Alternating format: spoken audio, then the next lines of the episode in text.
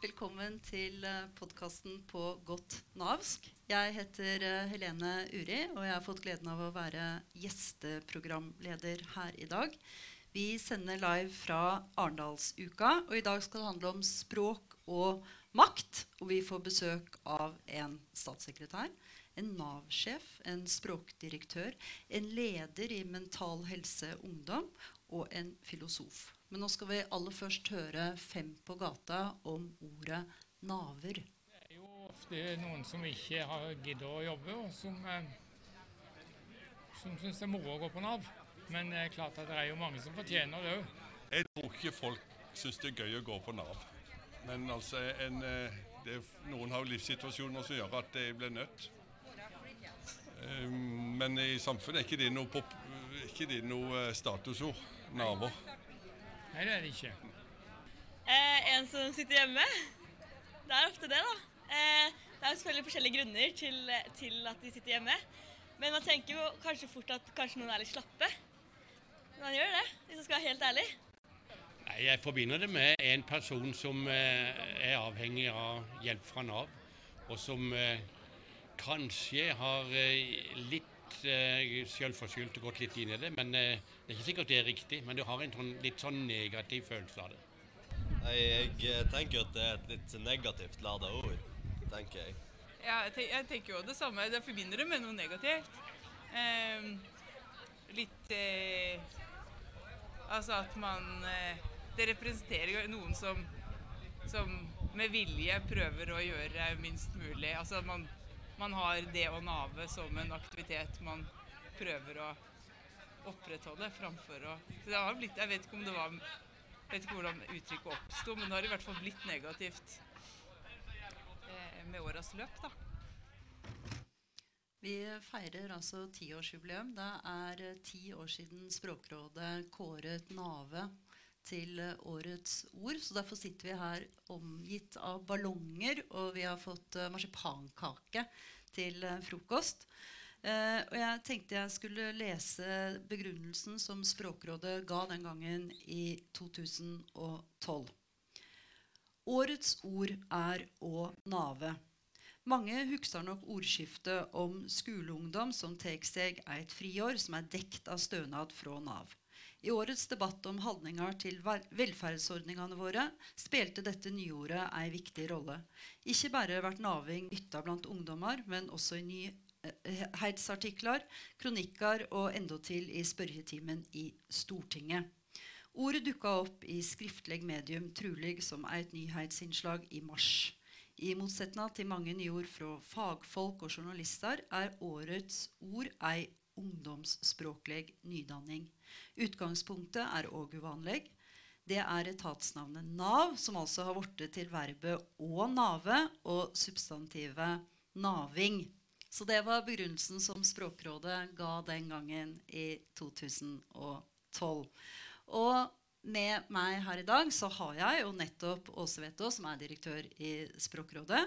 Og jeg har Nancy Hertz, som er statssekretær i Arbeids- og inkluderingsdepartementet. Og Hans Christian Holte, Norges arbeids- og velferdsdirektør, altså Nav-sjefen, da, rett og slett. Så eh, jeg, jeg, jeg, tror kanskje jeg har lyst til å begynne litt med deg, Hans Christian. Du hadde jo en kronikk på trykk i Aftenposten i går. Eh, og du, du, har jo en mer positiv holdning til eh, naver enn det disse folka på gata her i Arendal hadde? Ja, altså det er, det er, jo interessant med sånne nyord. fordi det, det, vi også vet, er jo at etter at Språkrådet har, eh, har, har, på en måte valgt et sånt nyord, så vil det ordet også leve litt sitt eget liv og kanskje endre innhold litt over tid. Og nå hører vi jo de fem på gata, så, så jeg tror ikke jeg skal påstå at eh, naver nå er noe sånn superpositivt. Det ville være ikke i takt med folkemeningen, for å si det sånn. Men, men uh, det er også interessant å se både i en del nyhetssaker og sånn senest jeg hørte nå nettopp folk hos Nav som snakker om det å jobbe i Nav som å være naver. -hmm. eh, det er også rett og slett brukt mer positivt om eh, mennesker som eh, for så vidt da mottar ytelser fra Nav, men at det er også satt i en positiv sammenheng. da. Og mitt poeng med den kronikken var eh, rett og slett å prøve å, å, rive og slite litt i vår eh, tenkning omkring det å være naver. Fordi det er jo for mange mennesker så er det knytta et stigma til eh, det, kanskje. Eh, en skamfølelse. Eh, og, og, jeg tror at når vi tenker gjennom hvordan Nav eh, er en del av eh, velferdsstaten, mm. Så treffer det livet vårt. Vi er det var i grunnen hovedpoenget mitt i den kronikken. Vi er alle navere på et eller annet tidspunkt. Jeg var naver i vår. Jeg hadde en sykemelding. Eh, de som får barn, eh, er navere når de mottar foreldrepenger. Det er eh, Alderspensjonister er navere. sånn at mm. vi er jo på mange måter alle navere. Og det er ikke noe grunn til altså Det er jo denne betydningen som du leste opp her, som er den å forsøke å, å sluntre unna, på en måte. Eh, jeg syns det er en litt sånn fattig forståelse av det å være naver. Og hva sier Språkrådet? Åse Vetås, er du naver, du òg? Ja, og jeg er stolt naver og, og eh, Så bra! eh, og jeg må jo si at òg som, eh, som, arbeidsgiver så er jo jeg faktisk en tungbruker av Nav sine tjenester. For Nav hjelper jo oss når vi skal tilrettelegge arbeidsplassen når vi skal drive et godt uh, og systematisk uh, sykefraværsoppfølgingsarbeid. og I veldig mange situasjoner så er Nav en del av livet mitt både uh, yrkesmessig og, og, på privaten, og det har jeg veldig stor glede av. Mm. Og Nancy Hertz, er du, er du naver? Vil du også stå frem som naver her? Absolutt. det kan jeg eh, stolt stå frem med. Og jeg tenker jo at uh, Nav er jo en viktig del av fellesskapet sitt sikkerhetsnett. Og at vi alle i en eller annen livsfase kan be ha behov for den støtten. Mm. Så jeg syns den kronikken uh, som du skrev, selv om vi ikke er helt der at naver er et helt positivt ord, og alle tenker at det er det, så er det vår jobb òg å endre retorikken og fylle ordene med en positiv eh, mening. Eh, og være med å forme både samfunnet og liksom, virkeligheten da, på den måten.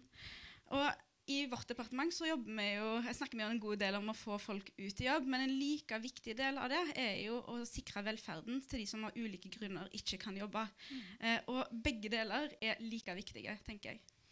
Og Hvordan ser dere på ordets fremtid da? Kommer det til å få en mer positiv uh, klang, tror dere? Etter din uh, kronikk og etter at vi alle har stått frem som navere her? Så en kronikk gjør ingen sommer, holdt jeg på å si. Det er, det er noe med at uh, jeg Det skal mer til Det er en sånn over tid. Men, men som sagt, jeg tror jo Eh, den sånn reelle endringen må jo dreie seg om innholdet. Altså Det må dreie seg om hvordan folk oppfatter det at man får ytelser fra Nav. Det er jo det i hvert fall jeg tenker er det som virkelig er viktig her. Og så får, så får den begrepsbruken følge med.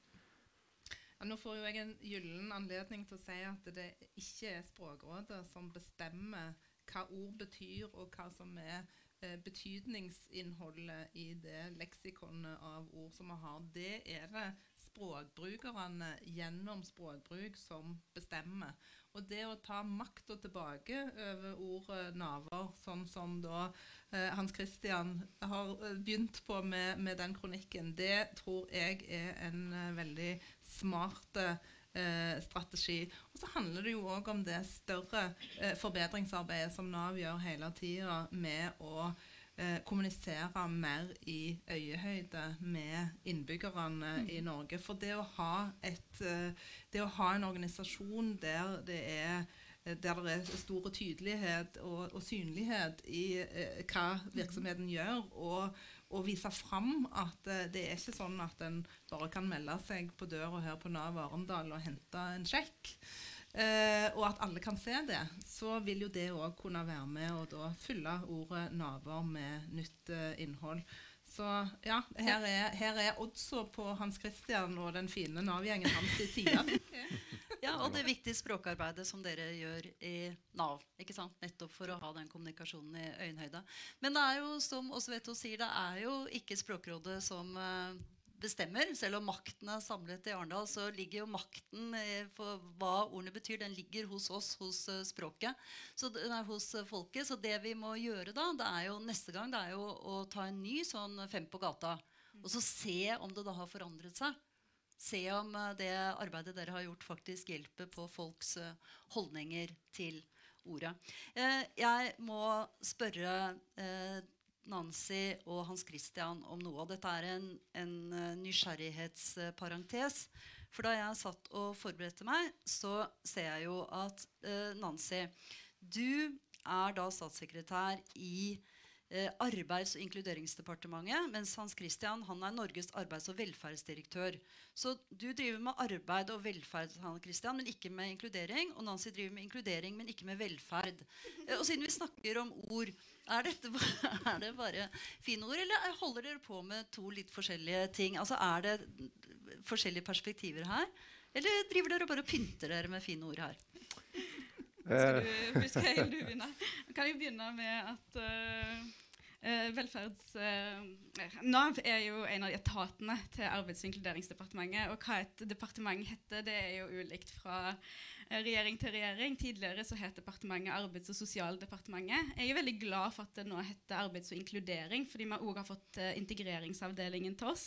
Eh, men vi jobber jo helt overordna eh, med både arbeid, velferd, eh, den, sosiale delen, men òg da med integrering, som jeg har fått ansvaret for.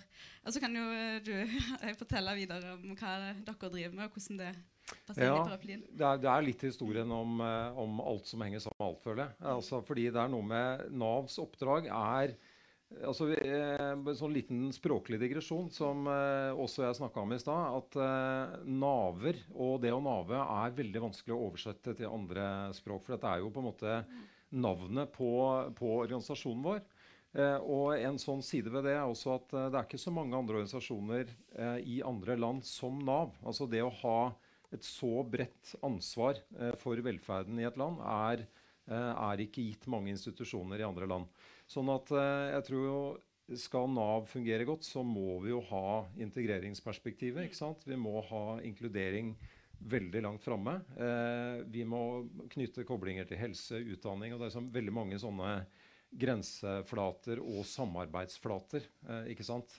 Så jeg tenker når departementet også da får en bredere portefølje, så er det eh, også potensielt bra for Nav. For da får vi muligheten til å jobbe mer med den grenseflata, med f.eks. inkluderings- eh, og mangfoldsdirektoratet. Ja, men Jeg er glad for at, du, at det er sånn det forholder seg. At det ikke er sånn at du ikke jobber med det, selv om du ikke har det i, i tittelen din.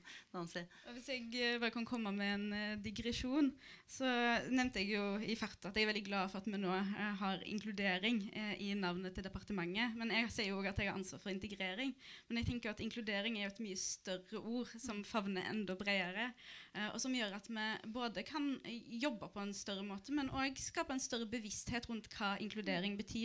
Og at, in at integrering er noe som går begge veier. Eh, og integreringsfeltet har jo vært i mange ulike departementer de siste årene. Det er et av de feltene som har flytta veldig mye. Eh, og jeg tror det er viktig at det er i Arbeids- og inkluderingsdepartementet. fordi mange av tiltakene, mange av virkemidlene, veien til integrering, eh, ligger jo gjerne gjennom det å kunne jobbe, det å kunne forsørge seg sjøl. Eh, og kunne være selvstendig. Og ikke minst ved å vite at man har et sikkerhetsnett dersom man ikke eh, har muligheten til det. Jeg syns dette var veldig kloke svar på et veldig tullete spørsmål fra, fra min side. Men det var bare litt fristende da jeg satt og, og så forskjellen her. Eh, Åse, jeg er litt spent på Tror du at Språkrådet kunne kåret nave eller naver til årets ord i 2022? Det hadde kommet an på hvordan det ordet hadde fått lov til å prege eh, det offentlige ordskiftet i løpet av året. For når vi kårer årets ord, så ser vi jo på hva var det den offentlige samtalen i Norge dreide seg om, og da hvordan har det eh, dukka opp og manifestert seg i, i skriftlige kilder. Så eh, Noen har kanskje forestillingen om at vi i Språkrådet sitter litt sånn på bakrommet og, og snakker om gøyale ord, eh, og, og velger et av de til årets ord. Det gjør vi ikke. Eh, Men dere har det veldig gøy i den, eh, det, det er, jeg må innrømme at det, det er alltid veldig kjekt å få se på de listene med rådata som er hentet ut fra de store eh, aviskorpusene. Hvilke samtaler var det vi hadde i Norge, og hvilke nye ord dukket opp i forbindelse med de samtalene. I fjor, i 2021, så var det sportsvaske som ble årets ord. Det er jo òg et ord som har veldig mange tydelige negative konnotasjoner. Mm. Men det ble mye brukt. Og eh, det hadde ikke vært så mye brukt eh, tidligere. Så det var et naturlig valg da. Så vi ser i utgangspunktet ikke etter, ikke etter gøyale ord nødvendigvis, men ord som da både er viktige eh, i, for samfunnsdebatten, og som i tillegg har interessante språklige kvaliteter. Og det må vi jo si at Nave og Naving har jo virkelig interessante språklige kvaliteter. Jeg tror ikke det er noen andre eksempler på at navnet på en offentlig etat har blitt til et verb og et substantiv. Ja, det er ikke sikkert norsk. alle deler den grammatiske begeistringen, men jeg skjønner jo veldig godt hva hun ja. snakker om. Da. Har det skjedd uh, noe i løpet av de siste ti årene som gjør at Nav, Naver og Nave er i ferd med kanskje muligens å få en mer positiv klang? Ja, hvis vi skal ta den der fem på gata som en sånn uh, vitenskapelig dokumentasjon på hvordan det står til, så vi ikke, ser vi ikke veldig mye bevegelse i, i selve akkurat det ordet. Uh, men jeg tenker jo altså, at det er altså forståelsen, kanskje, av behovet for å få litt hjelp innimellom. Kanskje er det en, kanskje er det en noe rausere samfunnsdebatt om det. Altså, hvis jeg skal virkelig tenke litt positivt, da. Og, og jeg tror, jeg tror um, også når vi, når vi, tenker på hvordan vi jobber i Nav, så er det eh, så opplever jeg at det er jo eh, sant, Vi er eh, mennesker over hele Norge som har egentlig først og fremst i hodet at du kommer til oss, vi ser hvem du er, hva er det du trenger? Da er, det, da er det ikke prøve å sortere deg inn i hvilken stønad du skal få, men det er å tenke hvordan kan vi hjelpe deg tilbake til arbeidslivet? Kan vi ikke hjelpe deg tilbake til arbeidslivet? Kan vi, hva kan vi på en måte få til? Jeg tror jo den der litt sånn helhetlige tenkningen eh, sånn på tvers av eh, hva, hva, vi kan tilby, eh, den tror jeg kanskje er sterkere nå enn den f.eks. var for ti år siden. Og da var det jeg har vært i diskusjoner i Arendal i går også som gikk f.eks. på dette med uføretrygd. Hvor lett er det å få uføretrygd? Jeg tror kanskje det også er en sånn, eh, Noe av eh, bakgrunnen for at ordet naver har den negative klangen, er også at kanskje det har vært en oppfatning av at det er lett å få den uføretrygden. Eh, og at den kanskje har vært gitt for lett. Også til og med til mennesker som ikke har villet ha den. ikke sant? Så har man eh, som har fått en, eh, en uføretrygd. Og da er du på en måte plassert i systemet. Det er en løsning eh, på kanskje en litt sånn vanskelig eh, situasjon.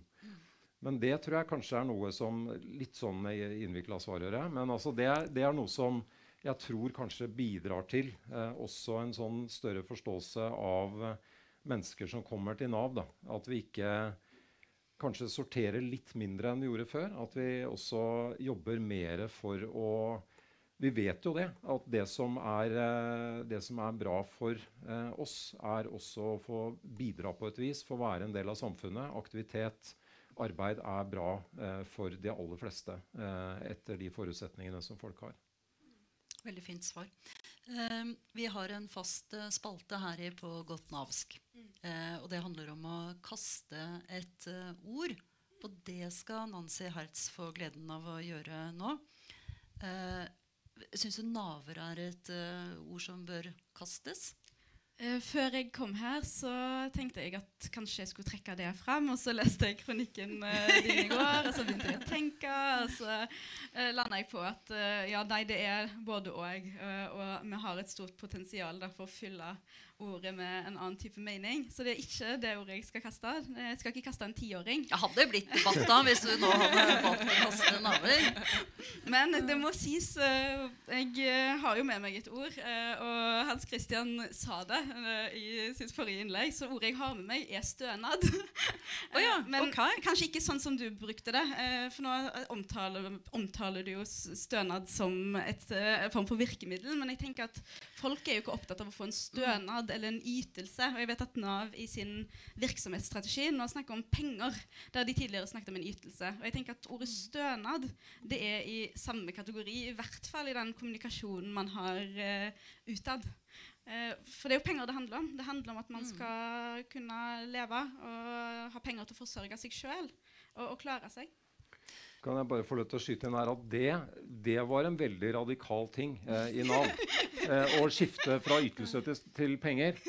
Der hadde vi ganske heftige diskusjoner. Jeg skal ikke si at folk gråt på bakrommet, men altså det var det, Dette er drøyt, altså. Men, men, vi går for penger nå. Vi gjør det. Mm. Eh, men, og stønad, hva syns du om forslaget til Nancy? Nei, altså det er, det er, et godt poeng. Altså, fordi det ligger noe litt sånn eh, trøst og bære og støtte ja. i det. Eh, så jeg ser det. Og så har jeg litt respekt for det, altså, det det krever å liksom, rydde ut et ord eh, av, av, hele systemet vårt. Uh, vi, jeg kasta selv i søpla restarbeidsevne. Uh, ja. Det syns jeg er et dårlig ord. Mm. Uh, og det, det, er jo der fortsatt. altså, jeg har kasta det i søpla, men det er akkurat som bilen kommer tilbake. Det hjalp ikke å kaste det? Altså, jeg vet ikke helt. altså sånn, Når sånn, Nav-sjefen kaster et ord, og det kjører bort med søppelbil, så hjelper det ikke? Det er som Oslo, og det var i Oslo for noen år siden, hvor de streika i, i renovasjonsvesenet. Det er, det er, litt sånn kjipt, altså, for ting står der og begynner å lukte, kanskje. Men, eh, men, uansett, vi er ikke helt kvitt det ordet. Du vet det, Helene, at uh, det heter ikke søppel nå lenger. Det heter gjenvinning og resirkulering. ok. Godt poeng. Nancy Hertz har nå levert stønad til miljøstasjonen, og så får vi se hva som, uh, hva som skjer med det.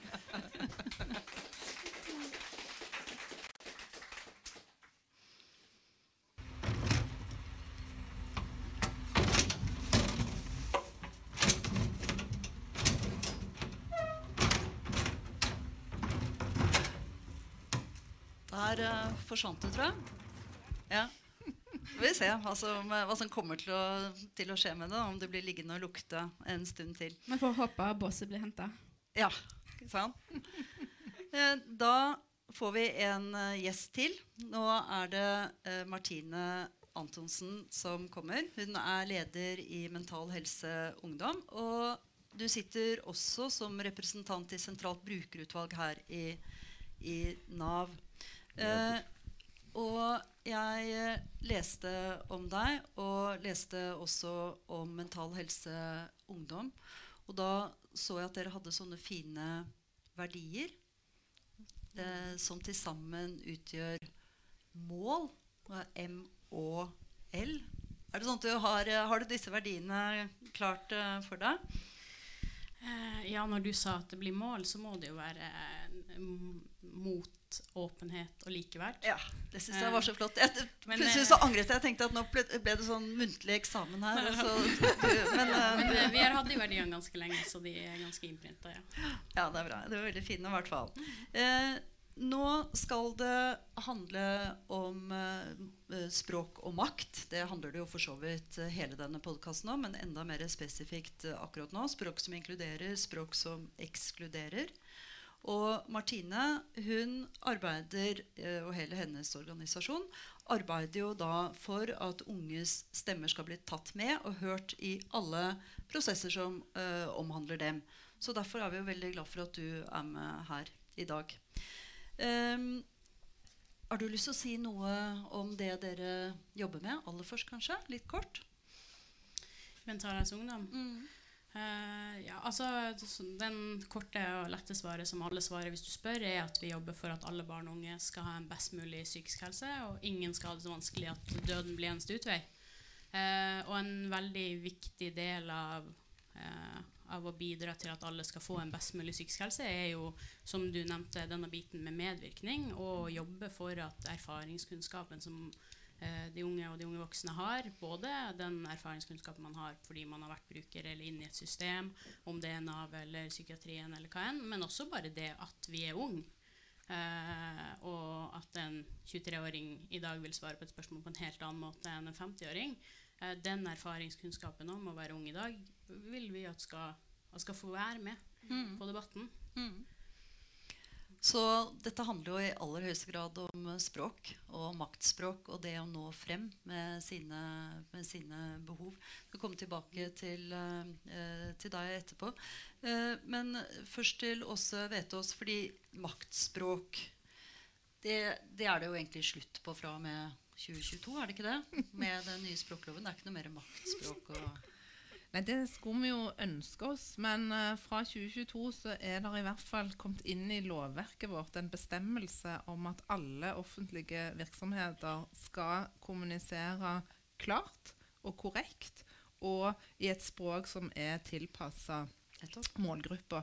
Og det har jo egentlig to begrunnelser. Det er en forvaltningspolitiske begrunnelse som handler om at uh, alle innbyggerne i Norge skal uh, få eh, gode tjenester, og det skal være eh, gode rettsprinsipper som ligger til grunn for det. Og eh, staten og det offentlige skal jobbe effektivt og nøkternt med de midlene som fins. Og så er det en språkpolitisk begrunnelse som handler om å ta vare på det gode språket. Mm. Mm. Ja.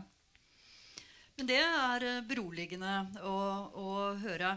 Eh, så da må vi jo høre med Nav-sjefen. Hva, hva, gjør Nav for at ansatte skal behandle sine Nå har jeg også hørt på flere av disse podkastene, og det, bruker ble jo kastet i en av episodene jeg hørte på, så jeg vet ikke helt hva jeg skal si nå. Men eh, hva gjør Nav for at de som trenger hjelp, får den hjelpen de trenger? Ja, og det, jeg, jeg, merker, jeg griper også meg selv i å snakke litt sånn som du gjør akkurat nå. fordi at er, bruker er litt sånn eh, et litt eh, kontroversielt ord i Nav, men, men, hvor vi egentlig ikke har funnet den gode erstatningen. Mm.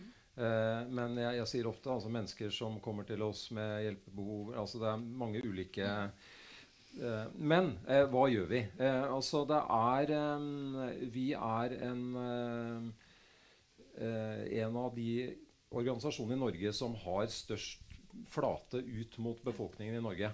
Så det er klart vi kommuniserer eh, i stort volum og i veldig mange kanaler hele tiden. Eh, det, det, betyr at det språkarbeidet vi gjør, eh, det er omfattende eh, og, og, viktig. Og jeg tror også sånn, eh, et utgangspunkt for arbeidet hos oss er at vi, vi må ta inn i, i betraktningen at mange av de som kommer til oss, de altså For det første så er det alle kommer til oss, som er nettopp på innom. Mm. Alle har et forhold til oss. Og ikke minst veldig mange har en vanskelig livssituasjon når de kommer til oss. Da blir språk enda viktigere. Da blir det å rett og slett uh, klare å uh, være forståelig, tydelig, uh, varm, empatisk kommunikasjon også viktig. Eh, og hva gjør vi? Altså vi, eh, denne podkasten er ett eksempel på det litt sånn eh, felles arenaen som vi har jobba en del med i Nav for å rett og slett holde eh, språkarbeidet levende eh, og viktig. Eh, og hvor Åse, Jeg er veldig glad for at Åse er med hver gang. Og vi er, altså jeg er med, og vi har gode folk inne som jobber med språkarbeid i Nav. Så har vi språkverksteder rundt i de ulike fylkene. Vi har eh, også eh, språkblikket på når vi skal lage nye digitale løsninger. Utrolig viktig. Mm. Jeg tror noe av det som er tyngst å få rydda bort eh, i dag eh, Jf. søppelbilen og ting som lukter. ikke sant, at eh, Noe av det som er tyngst, det er de gamle IT-systemene eh, som vil ta tid å skifte ut og som egentlig produserer brev, f.eks. meldinger eh, til, eh, til, brukerne våre som, eh, som ikke er eh, godt språk. Mm. Som kanskje heiser fram paragrafer før de sier hva er, egentlig, eh, hva er det egentlig vi vil fortelle deg. Mm. Eller som kommer med en advarsel. Hvis du gjør noe feil her, så kan det få konsekvenser for deg. Sånn, den type, Det jobber vi kontinuerlig med å rydde, rydde bort. Men jeg opplever jo at vi, vi har virkelig tatt tak i dette eh, nå. Men det er mye som er igjen. Så fra en maktperson til en annen. Eh, Nancy, hva, hva, mener du er viktig for personer med makt å tenke på når de kommuniserer med mennesker med mindre makt? Mm. Jeg mener at noe av det viktigste eh, med både klarspråkarbeidet generelt og når vi snakker om det å kommunisere uh, ute, det er jo at folk forstår hva du sier. Og særlig i sensitive saker som handler om de, som kan ha en stor betydning for deres liv. Uh, vi snakker jo om klartspråk uh, generelt, men uh, hos oss så jobber jeg for da med I integreringsfeltet så har vi f.eks. statsborgerskapsloven. Den er jo veldig komplisert. Og hvis du får et vedtak som sier du har fått opphold eller du ikke har fått opphold, så trenger du gjerne å vite det før du får den lovteksten, må lese det gjennom. Kanskje ikke snakke så godt norsk, for du har ikke lang botid i Norge. Da trenger du at det står du har fått opphold i Norge øverst. Uh, og jeg har jo en sånn litt mørk fortid uh, med klarspråk, fordi i fjor, før jeg ble statssekretær, så drev jeg og skrev masteroppgave, og så hadde jeg tatt permisjon fra jobb og tenkte at oi, dette er første gang jeg gjør én ting. Hva gjorde jeg da? Jeg meldte meg opp på en bachelor i klarspråk i tillegg. og der satt vi jo og leste nettopp type vedtaksbrev som uh, du refererte til, og skulle gjøre de bedre. Og jeg rakk jo å gå der i sånn ca. to måneder, men nå skal jeg liksom bruke alt jeg kan om eh, klarspråk i denne samtalen. eh, det jeg tenker, har tenkt på i ettertid, og nå når jeg har gått inn i denne jobben, det er jo hvor mye enklere det er å liksom være på utsiden og lese andre sine ting. Og tenke at ja, men dette gir jo ikke mening, eller off, nei, men dette henger ikke helt sammen. Eh, enn det er når du sitter veldig sånn dypt eh, inni materialet. Eh, så jeg tror at dette er et dynamisk arbeid eh, som vi må gjøre i lag. Det er noe som vi hele tiden må ha en bevissthet rundt. Eller så går vi rundt og tenker at alle andre har de samme referansepunktene som oss sjøl. Jeg ble helt rørt ja, av å høre at vi har en statssekretær som faktisk har påbegynt et studie i uh, klarspråk. Og du hadde veldig god unnskyldning for å ikke fullføre, da. Nei, jeg har, jeg har, jeg har permisjon, faktisk. ja, ja, okay, det er helt fantastisk. We'll be back. ja, virkelig veldig veldig bra. Og det med, som du sier med perspektivet, tror jeg er så riktig. Det er mye lettere å sitte og pirke på andres tekster enn å være deg selv. Mm. Og også, ikke sant, som vi har vært inne på alle sammen her, hvor viktig det er å vite at det er masse informasjon som skal med. ikke sant? Også, mm. så det handler jo mye om å, om å, strukturere det og kanskje tenke at ikke alle paragrafer må komme først. Mm. Mm. Eh, jeg vil gjerne tilbake til deg, eh, Martine. Eh, hvordan, altså, hva kan gjøres for å prøve å være mest mulig konkret her, hva kan gjøres fra ungdommenes side for å nå frem med sine behov? Og hva kan de som representerer makta, da gjøre på sin side? Altså Hvis vi prøver å tenke så konkret vi bare kan. Hva er de beste rådene du har der? Ja, det er jo det letteste spørsmålet å svare på det. Ja, beklager. nei, nei, det går bra. Uh, visste at det kom, egentlig. Uh, jeg tror på en måte det letteste er å svare på hva de andre skal gjøre. Er det ikke det? det er ja, men begynn der, ja. ikke sant? Eh, det er lettere å pirke på andre. Jeg tror at det, det man kan gjøre fra makta, og litt oppspill på det som ble sagt det er lettere å pirke på andre. Eh, og når man, når man, vet det sjøl, så må man ok, men da må vi ha inn noen nye impulser som kan pirke på oss. Mm. Eh, fordi, fordi, det er nettopp dette at man sitter og har et sånt stammespråk. Uh, og, det, og, det, gjelder inn i, i vår organisasjon òg. Vi som har vært med lenge, har noen ord som ikke de som er nye, skjønner helt. Mm. Uh, og samme er det i det offentlige. Og de som er gamle, har kjent det offentlige lenger enn de som er unge. Enkelt og greit. Uh, og da skjønner de flere ord. Mm. og så betyr ordene forskjellige ting.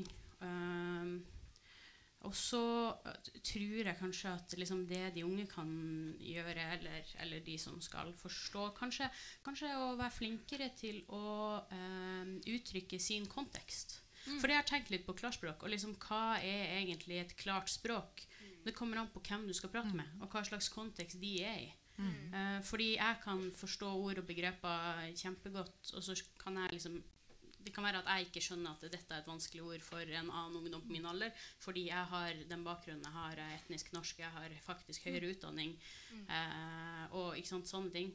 Og, og også liksom uh, Ungdom i Nav er fra 18 til 30, hvis ikke alle Nav-ansatte som hører på dette, visste det. Eh, og aldersgruppa 18 til 30 Når du er 21, så kan du ha en bachelorgrad. Mm. Eller du kan være en dropout fra videregående. Altså, det er så mange forskjellige livssituasjoner. Det er så mange forskjellige folk man skal prate til. Mm. Så hvordan kan man prate i klarspråk til en ungdom? Det er liksom Hvordan prater du i klarspråk til et menneske, egentlig? Mm. Ta andres perspektiv er jo ja. egentlig ditt uh, hovedråd. Det høres Mm. veldig klokt ut, uh, syns jeg. Uh, er maktspråk oftest ubevisst, sånn som dere støtter på det? Eller, og gjør det det bedre? eller hva, ja, hva tror litt på. Eh, fordi jeg tenkte på liksom, eh, maktspråk eh, så, så tenker jeg også, eller umiddelbart på at på skolen så lærte vi at språk har makt gjennom hersketeknikker. Mm. Og hersketeknikker kan du bruke bevisst, eller du kan bruke det ubevisst. Mm. Og sånn sett kan du bruke maktspråk Ja. bevisst eller ubevisst. For det, Ja. handler om, det handler ikke nødvendigvis om hvilket ord du bruker, men hvordan du sier det. Mm. Ja, enig. Uh, skulle, ville du si noe, Hans Christian? Jeg syns du viftet litt med en finger borte i stolen din. Jeg prøvde på det, og det Jeg har bare lyst til å Syns du jeg var, hadde litt sånn hersketeknikk? Var lite grann, kanskje, når jeg tenker meg om. Jeg lot, jeg, beste hersketeknikken er den du ikke skjønner helt før etterpå. Det, eh, det fungerte fint nå, før du sa det. Eh, men i hvert fall eh, Jeg hadde lyst til å bare komme med et eksempel på det Martine sier, for jeg tror det er, det er veldig viktig. Derre eh, å få det friske blikket, få den der ja, Ikke tenke at vi ser selv hvordan vi kan snakke klart eh, til andre. Eh, og det er fra, her fra Nav Arendal, som har utvikla en sånn gammelnavsk eh, ordliste. Eh, og hvordan har de gjort det? Jo, de har fått inn eh, folk fra voksenopplæringa her, som, altså flyktninger som er kommet til Norge, eh, som har vært ekspertene for å lese Nav-ting og si men dette er jo helt umulig å skjønne. ikke sant? Og det er så kult, syns jeg, at de har hjulpet oss. Og det har virkelig gjort en forskjell altså, for oss eh, og kommet med en ordliste som har kommet i to opplag nå. Så det er et veldig godt eksempel. Ja, jeg, fabelaktig og helt uh, nedpå konkret. Og, Mm. ja, og det er jo akkurat som Martine sier, det er jo overraskende Altså, vi, vi er overraskende dårlige til å ta andres perspektiv, rett og slett. Det, Mm. det, ha, det er et, uh, et problem for alle som kommuniserer. Eh, Nancy, du, eh, nå skal jeg passe på klokken for deg. Du skal snart gå, men du får lov til å si noe eh, klokt fra eh, ditt departement på slutten av, hvis du har lyst til det. Det vil jeg eh, gjerne. Ja. Jeg eh, tenker at eh, du, du stilte spørsmål om maktspråk er bevisst eller ubevisst. Jeg er helt enig med deg i at f.eks. Jeg tenker at maktspråk i seg selv kan være en hersketeknikk hvis du snakker med store ord og prøver å snakke på en måte som gjør at andre ikke forstår. Men vi må ha et felles mål i dette her òg, og det handler jo om demokrati. Det handler om rettssikkerhet. Som jeg var inne på tidligere, så handler det om at folk skal vite hva som blir sagt om dem og til dem. Og så handler det jo òg om tillit til forvaltningen, til hverandre, eh, til politikerne. Så vi har jo en jobb å gjøre med å være enda tydeligere i språket vi bruker. Og en sånn ting som jeg eh, prøver å tenke på når jeg f.eks. skal ut og holde taler eller holde innlegg, det er hva hvis noen hadde lagd en analyse av dette etterpå? Hvordan hadde det sett ut? det er litt nerdete, men Altså av og til så leser jeg ting så tenker jeg sånn, at noen burde hatt en diskursanalyse av dette her. Men du stilte jo også spørsmålet. Jeg prøver å tenke minst mulig på det, særlig når jeg skriver erotiske scener i romanene mine. Så prøver jeg å ikke tenke på at det kan analyseres. Men jeg, Ja, men jeg når- ser poenget. Når du skal snakke utad eh, med, en politisk, eh, liksom, med en politisk mening, med noe som kanskje påvirker folk sin liv direkte, da, så har man et ansvar til å tenke på hvordan det blir Mm. tatt imot av mottakeren òg. og du stilte jo spørsmålet til oss her om eh, er det sånn at vi nå som vi har en språklov, så er maktspråk eh, lagt bort. Jeg tror at dette er et arbeid som vi hele tida må gjøre. Jeg tror ikke vi kommer i mål. Eh, både pga. At språket utvikler seg, fordi teknologien utvikler seg, eh, som Hans Christian var inne på, og fordi det kommer nye grupper til og nye behov. Og jeg synes det var veldig fint eh, det du Martin var inne på, med kontekst. Eh, for det er kanskje hele grunnpilaren da, det å kunne gjøre seg forstått. Man må forstå konteksten som en ytring skjer i, det rommet det skjer i, men også konteksten til den som eh, tar ytringen imot, og hvordan de kan tolke den. Eh, og jeg tror hvis vi klarer å ha det med oss, og ikke minst en omsorg, for det er jo det det handler om. Det handler jo om omsorg for hverandre, en omsorg for språket vårt. og en, eh, et rom der hvor vi har en tillit til hverandre. Eh, Det er det det handler om. Eh, så klarer vi kanskje å utvikle dette videre. eh, og så klarer vi å skape en verden med mer klarspråk. Jeg ser noen som sitter i salen har I love klarspråk. Veldig bra T-skjorte. Dere får si fra hvor man kan bestille seg en sånn etterpå. Så det var med det så, så tenker jeg at uh, så lenge vi fortsetter samtalen, det er bare da vi kommer videre. Dette syns jeg var en uh, veldig fin avslutning på akkurat denne bolken her. Så da skal vi få høre Fem på gata igjen, og så takke Nancy Hertz og Martine Antonsen. Tusen takk for perspektivene deres.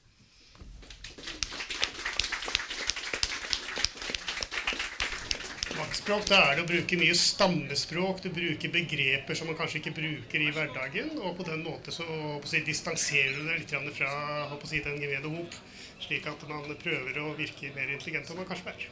Da tenker jeg på språk som eh, er tydelig ovenfra og ned, som viser at eh, jeg har en lavere stående posisjon enn den som snakker til meg. Eh, så da tenker jeg, det er et skikkelig dårlig utgangspunkt for en god samtale. Med maktspråk så tenker jeg vel på hersketeknikker eh, først og fremst. Det at man bruker språket på en slik måte at man kanskje får fremhevet seg sjøl på bekostning av andre. Det er det språket som snakkes av de folkene som har makt. Makt i gåsetegn. Eh, det kan være et eh, økonomisk språk, eller det kan være et juridisk språk, eller et akademisk språk, ikke sant? Eh, altså det språket som, som, snakkes, eller som aksepteres av makteliten. Jeg tenker at det handler om at det er et språk som føres, eh, og som absolutt ikke alle forstår hva egentlig betyr.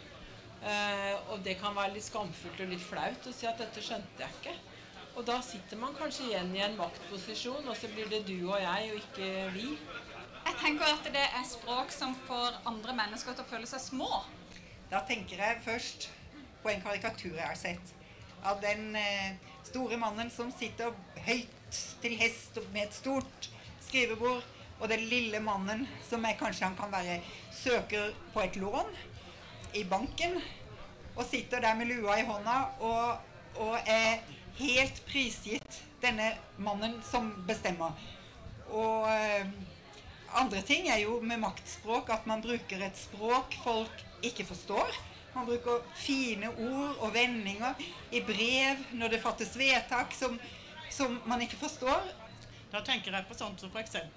med Nav, som har et språk som er en maktallianse, altså et forbund som har veldig makt. Og da får ikke Folk forstår det ikke, og da må de skjerpe seg. Og det er bl.a. en, eh, en innvandrer som har vært på Nav-språket for å få endra det til enklere setninger. Og det må jo være vitsen i at sånn et sted som Nav, at folk rent generelt forstår det de snakker om, for å kunne få den hjelpen de vil. Ja, det er jo ikke noe positivt. Det var uh, fem, eller hvor mange det var, på gata i Arendal som uh, snakket om maktspråk. Og da skal jeg ønske Einar Duenger Bøhn velkommen. Du er filosof. Du har til og med din egen filosofipodkast, men nå er du på besøk i vår podkast. Og ellers er du professor ved Universitetet i Agder. Uh, og nå i denne delen her så er overskriften uh, 'Maktspråk og teknologi'. Og Einar, du sitter jo her fordi du har skrevet mye og tenkt mye. Det er jo det dere gjør, gjør dere ikke det? Filosofer. Tenker. Prøver. Eh, og blant annet har du skrevet boken 'Teknologiens filosofi'. Eh, så jeg vil, det, er, det er jo det det skal handle om. Hva, hva, skjer nå når det blir mer og mer digitale løsninger, mer og mer teknologi? Vi kommuniserer da eh, med offentlige instanser digitalt. Altså, hva, hva skjer med relasjonen da mellom individ og institusjoner? Ja. Altså det som er litt interessant med teknologi, er at det, som et fenomen da, så er jo teknologi egentlig teknikker som innføres. Det kan være i datamaskiner, det kan være bioteknologi. Det er en slags teknikk. Så du løser et problem, og så innføres det gjerne ved hjelp av maskiner, i dag digitale datamaskiner. Og da standardiseres den løsningen. Den er ganske automatisk. Eh, og det som er, sies om teknologi, er at når vi innfører en ny teknologi, så vet vi egentlig ikke hva vi driver med. Eh, vi vet ikke konsekvensen av det som kommer til å skje. Og når vi har innført den, så er det for seint. Da er det ingen som kommer til å ta tilbake den teknologien. Altså Se på smarttelefon når den ble innført. Ingen som visste hva det kom til å lede til. Men det går ikke an å stenge ned den teknologien i dag. ikke sant? I hvert fall ikke hvis det er effektivt. og sånne ting. Så det, så det, er sånn velkjent i teknologiens filosofi at det er en veldig sånn sterk vekselvirkning mellom måter vi oppfører oss på her på eh, i hverdagen, og bruken av teknologi. Så vi innfører den med ett formål, og så ender den opp med å forandre oss på andre måter etterpå. Eh, og Derfor er det veldig viktig å tenke på og vanskelig å tenke på langtidseffektene av innføring av en teknologi. For det drypper litt sånn som en råte i et hus på loftet. Det drypper litt og litt, og så merker du det ikke med en gang. Men sakte, men sikkert så begynner det å bli fuktig, og så begynner det å bli mykt, og så, og så blir huset pill råttent. Eh, det må ikke være sånn at teknologi blir råttent. Nei, det var det jeg lurte på om du også kanskje Men det er et eksempel, et bilde på liksom at det siger inn. Det men du, du, kan by på en litt mer sånn eh, optimistisk metafor òg? Ja, ja altså jeg liker jo mye teknologi, jeg. Altså, men det som skjer, er at det ofte sakte, men sikkert forandrer oss. Det er det som er sånn spooky og skremmende med teknologi. Eh, sånn som og så fins det dårlig og god bruk av det. ikke sant? Så det innføres med ett formål, så brukes det gjerne til noe annet. Som med alt av verktøy og teknologi så er det slik at det kommer til å bli misbrukt, og det kommer til å forsøke å brukes til noe godt. Det er litt sånn det blir, bare.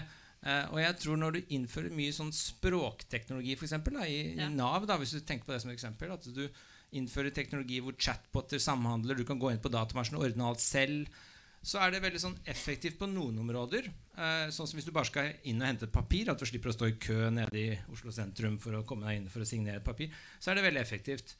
Men skritt for skritt så er det veldig effektivt ofte. Men vi merker gjerne ikke helheten, for det er veldig få som sitter og tenker på helheten.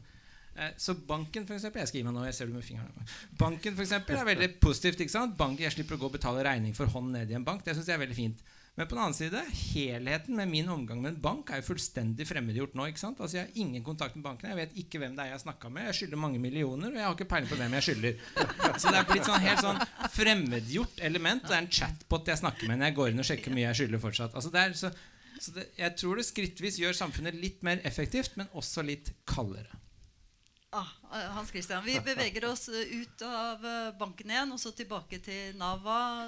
For dere har jo innført bl.a. noe av det Einar snakker om her. At brukerne, for å fortsette å kalle det det, de, de kan kommunisere bl.a. på den måten. Slippe mm. å komme til dere og, og stå i kø. da. Mm. Hva, hva, hva, skjer? Hva gjør det? Hva er det som er Du skal også få lov til å snakke om de positive sidene, kjenner jeg. ja, det er bra. Altså, jeg klamrer meg litt til også de positive fragmentene i det Einar sier. Da. For han sier jo noe, noe også om, eh, om, noe som fungerer mer effektivt, noe som de fleste av oss syns er ålreit. At du, du, sitter ikke der med selvangivelsen i to eksemplarer lenger. Altså, det er en del sånne ting som jeg tror som er greit da, eh, at vi får, eh, får teknologi til.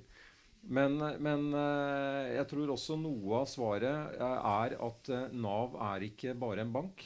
Det er ett av svarene. Fordi Nav vil alltid måtte ha et menneskelig ansikt i tillegg til teknologi. Det er jeg helt sikker på. Så det vi må være gode på, det er, det er på en måte å, å, megle mellom teknologi og menneskelig kontakt. Det er å, å, å se når eh, mot hvem, eller i forhold til hvem og, nei, mot hvem, og i hvilke situasjoner er det vi eh, trenger å ha den menneskelige kontakten. Eh, og der er det rett og slett eh, du må, du, må, hele tiden være god til å fange opp også når, når ting ikke fungerer. Men, men, det du sier med råte i huset og fremmedgjøring altså, eh, det, er, det, er, vanskelig å gardere seg mot, føler jeg. Eh, rett og slett. Uh, for jeg tror det er et poeng. Jeg merka det som skattedirektør tidligere også. Jeg, jeg, uh, var sånn, vi følte at vi var utrolig gode til å forenkle og, og, lagde veldig enkle løsninger når det gjaldt skattemelding og sånne ting. Så fikk vi inn en ungdom uh, på 19 år som bare altså, rev i filler min, min sånn optimisme og tro på at vi virkelig hadde løst dette, også for ungdom. Hadde jo ikke det. Skjønte jo ikke meteren av hva Eh, hva disse begrepene, disse skattebegrepene var. Hadde ikke et forhold til skatteprosessen. Altså, hva er egentlig skatt? ikke sant? Jeg får noe penger hjem fra skatteetaten en gang i året. Ikke sant? Det er, ja. Men, så det var den mangelen på å ta ungdommens perspektiv inn? Ja, altså, det lærte meg i hvert fall, og minnet meg på, da, at du må hele tiden du må ikke stole på din egen eh, forståelse av at nå har vi kommunisert mm. godt. Mm. Det kan du bare ikke gjøre. Mm. Sånn du må sjekke ut med, eh, med den andre sida hvordan dette faktisk funker. Og det tror jeg også gjelder litt den derre Altså, vi kan helt sikkert gjøre noe eh, med den fremmedgjøringsfaren også.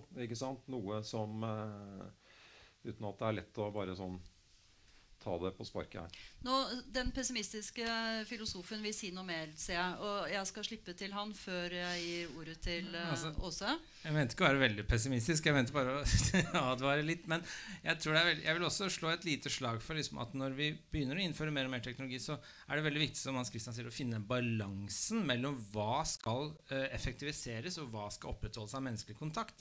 Den er veldig vanskelig, for i praksis, når du effektiviserer noe, så er det vanskelig å ansette en person som gjør det saktere. ikke sant?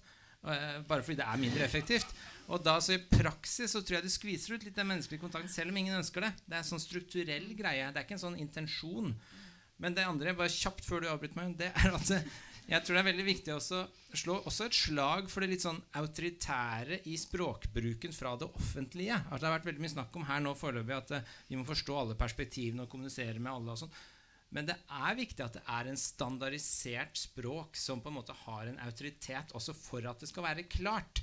Hvis alle skal forstå alle til enhver tid og se alle perspektiver, og brevet skal kommunisere til alle i alle aldre, så blir det helt håpløs kommunikasjon. fordi det flyter jo som bare det. Så det må være et preg av en sånn autoritær, byråkratisk greie for at det skal være klart. Og så er det litt brukernes ansvar å sette seg, oppgradere seg litt på det også. Det må finne en balanse på det også. Vi lærer heldigvis nye ord gjennom hele livet. Men dette er jo, dette er jo eh, ballen over til deg, altså. Åse, hva, hva sier du til dette? Han er jo her for å provosere. Har du ikke fått kake, du? Nei, jeg liker, jeg liker ikke kake. Nei, nettopp! Ja, til, til, til, det siste der så er det jo eh, nettopp derfor den nye språkloven òg gjør rede for at eh, kommunikasjonen ikke bare skal være klar og korrekt, men den skal òg være eh, tilpassa målgrupper eller tilpassa mottakerne. Så i mange tilfeller så må en jo faktisk tenke nøye over det at jeg må kommunisere forskjellig til bestemor som skal ha alderstrygd, og til en ungdom som kanskje trenger noen helt andre tjenester.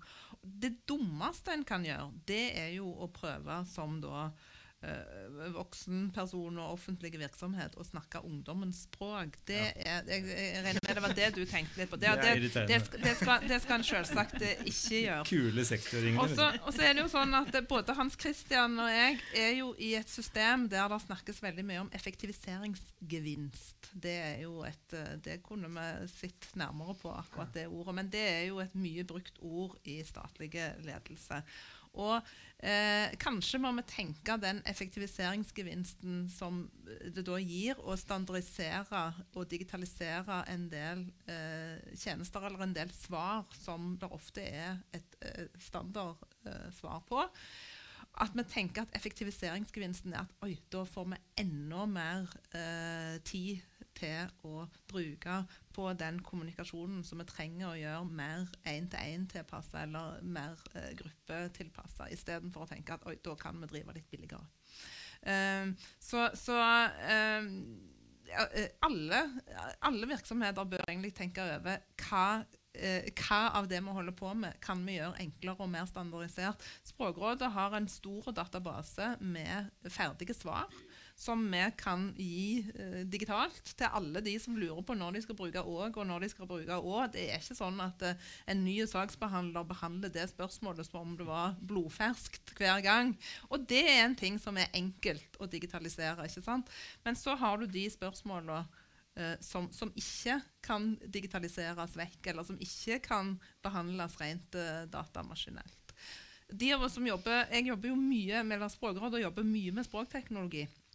Og, eh, eh, så, så, jeg, så, vi vet mye om kvaliteten på forskjellige eh, samtaleroboter. Og jeg pleier veldig ofte, når jeg da som privatperson er i kontakt med en offentlig samtalerobot, å stille den roboten det innledende spørsmålet eh, Kan jeg få eh, kontakt med en sakshandsamer? Da får jeg testa to ting. om, om det finnes et menneske der eh, et sted. Og jeg får òg testa om eh, virksomheten eh, oppfyller lovens krav om at eh, både bokmål og nynorsk skal være tilgjengelig for brukerne. For det er òg et, et, krav. Og, og det, et, Sånne ting går det jo an å gjøre, og sånne løsninger går det an å legge inn i en del av de datamaskinelle prosedyrene. har vi kimen til en opphetet debatt her. I hvert fall har Einar Duenger Bøhn bedt om ordet igjen. Nå skal vi høre hva han, hva, hva han har å si nå. Kom igjen. Nei, nå glemte jeg det faktisk. Du prata så lenge, og så ble det så byråkratisk språk at jeg skjønte ikke. ja, da ser du. Men eh, det, det, var én ting, egentlig. Altså, det, det, er litt viktig å tenke på hva dette med maktspråk egentlig også betyr. Fordi makt handler jo om ja, det å ha evnen til å gjennomføre det du vil. Det er det makt egentlig går ut på. Har du makt, så har du evne til å gjennomføre noe. Uh, og når man digitaliserer språkbruk, f.eks. mellom uh, hva heter det, klienter eller kunder Brukere. I alle fall ikke. Holdt på å si pasienter, ja, men da blir det gærent. altså, når man standardiserer det, så, så er det også slik at det har gjennomførings... Det, det, siger inn hva disse ordene betyr og brukes, og da får det en gjennomslagskraft, for det påvirker hvordan vi tenker. Eh, sakte, men sikkert. Og det er veldig vanskelig å sånn pinpointe akkurat når det skjer, men det skjer sakte, men sikkert. Sånn som På universitetet så merker vi nå stor forskjell på at det som var studenter som gikk på forelesning hadde pause, det blir mer og mer nå en skole hvor elever har klasse og, ti, og, og friminutt. Og vi blir lærere. Eh, og, og, det er sånn sakte, men sikkert så sier de eh, eh, Har vi friminutt snart? Og da svarer ikke jeg, for da sier jeg jeg skjønner ikke hva du mener. Altså, vi har ikke friminutt her. Det kommer ikke noe mer friminutt her nå. Og så sier jeg nå er det pause. sier jeg da. Eh, og det, det, handler om liksom at det siger inn. For hvis det begynner å bli elever og pause og skole og friminutt, og sånn, så begynner jeg å behandle de som barn, mye mer som barn også. Så jeg tar de som en helt annet forhold. Jeg forholder meg annerledes til det. Og jeg så nå Canvas, som er det systemet vi bruker, det digitale systemet på universitetet. Der sto det noe sånn inni det, når jeg lagde kurs i går, så sto det 'Eleven kan ikke se dette'. Og så ble jeg sånn Eleven? Hvor kom det her fra? For det er et standardsystem som brukes på mange skoler. Og da er språket standardisert. Og da har det ikke tilpassa seg den konteksten det er i. Og dette er jo teknologiens største problem, spesielt når det kommer til kunstig intelligens og sånn nå, som brukes mer og mer. Så er det det derre kontekstsensitiviteten. altså Dette kalles ofte framing problem. Altså det, AI, kunstig intelligens, er veldig dårlig på å tilpasse seg en kontekst. Det læres jo på en datamengde, men når du bruker det så du kan bli verdensmester i sjakk, men spiller du tre på rad, så er det kjempedårlig. Eh, ikke sant? Fordi du har ikke noe kontekstevne til å ta med deg kunnskap fra en kontekst til en annen. Og det er ofte problemet med sånne chatboter og brukere og standardiserte systemer. og sånt. Så det, Canvas det er et helt elendig system, fordi det er ikke tilpassa den situasjonen jeg befinner meg i. For det er et standardsystem som er billig, hentes inn på anbud. Og så siger det her inn, og så blir det elever og friminutt og ja. klasserom. Ja, nå, kan, kan, jeg få lov å skyte inn én liten ting? Ja, Det må være veldig ja, kort, for nå er klokken slagen. For, for, det er nemlig at det, alle offentlige virksomheter som skal bestille den typen teknologi, må være flinke til å skrive inn i anbudet hva slags språk de vil ha. Det blir ofte glemt, og det gjør at du sitter igjen med eh, elever. elever og friminutt. Hadde bestillingen vært god på språk, så hadde det ikke skjedd. Ja, Det var kjempeviktig. Jeg, fint du fikk inn det også. Og nå begynte det å bli ordentlig spennende. Jeg tror må ha, eh, Dere må ha en egen episode på Godt Navsk om akkurat det temaet. For nå kunne vi jo bare fortsatt. Men nå skal vi spise resten av kaken og feire Naver ti år og kose oss og lære mer her på Arendalsuka. Så tusen takk til uh, gjestene her, og tusen takk for at jeg fikk lov til å være gjesteprogramleder.